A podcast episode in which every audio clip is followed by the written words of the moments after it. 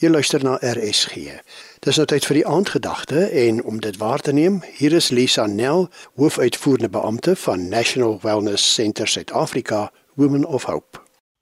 Goeiedag luisteraars. Vandag se gesprek handel oor die eienskap van God, dat hy Gees is. Die Gees van God is net so suurstof. Hy is oral, altyd, want God is Gees. Psalm 139 vers 7 verduidelik die konsep van God se gees baie mooi wanneer dit sê: "Waar sou ek heen gaan voor u gees?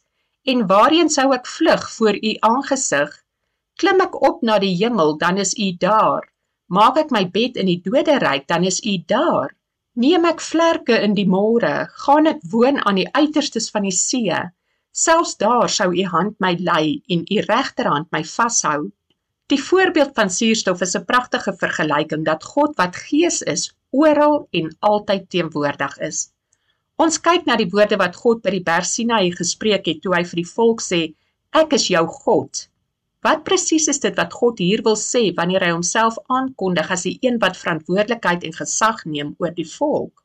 Die God wat hier aan die woord is, is die magtige een wat vir Moses by die brandende bos buite Midian opdrag gegee het om na die farao te gaan en te sê dat die God van Abraham, Isak en Jakob bevel gegee het dat die volk van Israel vrygelaat moet word om uit Egipte land uit te trek. Die magtige God van Israel gee 'n opdrag aan die magtige heerser van Egipte om die slawe van Egipte los te laat sodat hulle vry kan gaan. God aanvaar sy verantwoordelikheid om beheer oor sy volk te neem en hy kondig sy gesag aan oor die gode wat die volk in Egipte gedien het sien u hier dat die woord God niks minder beteken as magtige of heerser nie. In die konteks van die woorde wat God spreek, beteken dit dat hy vir Farao laat weet dat hy wat God is, nou die volle beheer en autoriteit oor sy volk neem en dat Farao en die afgode nou hulle mag en gesag oor God se volk verloor. Wat is die persoonlike eienskap van God wat hom hier duidelik onderskei van die verskillende gode wat in Egipte gedien word? Dit is die eienskap dat God 'n alomteenwoordige Gees is. God is nie 'n mens nie. Hy word nie beperk deur die inperkings van 'n menslike liggaam nie. En hy maak nie uitsprake sonder om elke woord wat hy spreek ten volle te bedoel nie. Ons lees in Numeri 23: God is nie 'n mens dat hy sou lieg nie, of 'n mensekind dat hy berou sou kry nie. Sou hy iets sê en dit nie doen nie, of spreek en nie sy woord gestand doen nie?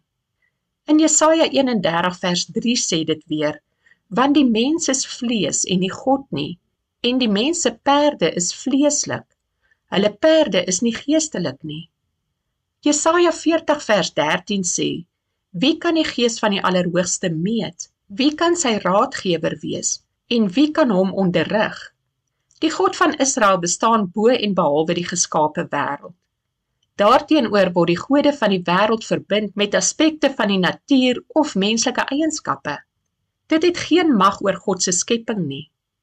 God se gesag is goddelike gesag, terwyl die gesag van enige geskape wese aan God se gesag onderworpe is omdat hy dit gemaak het. God het alle beheer en seggenskap oor die heelal. Sy woord beheer alles en almal.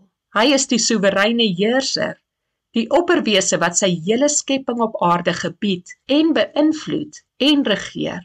God is Gees, die een eienskap wat hom duidelik onderskei van alle gode wat handgemaak is. Tot ons weer gesels. Totsiens. Die aandgedagte hier op RSG is waargeneem deur Lisa Nel, hoofuitvoerende beampte van National Wellness Centre Suid-Afrika, Women of Hope.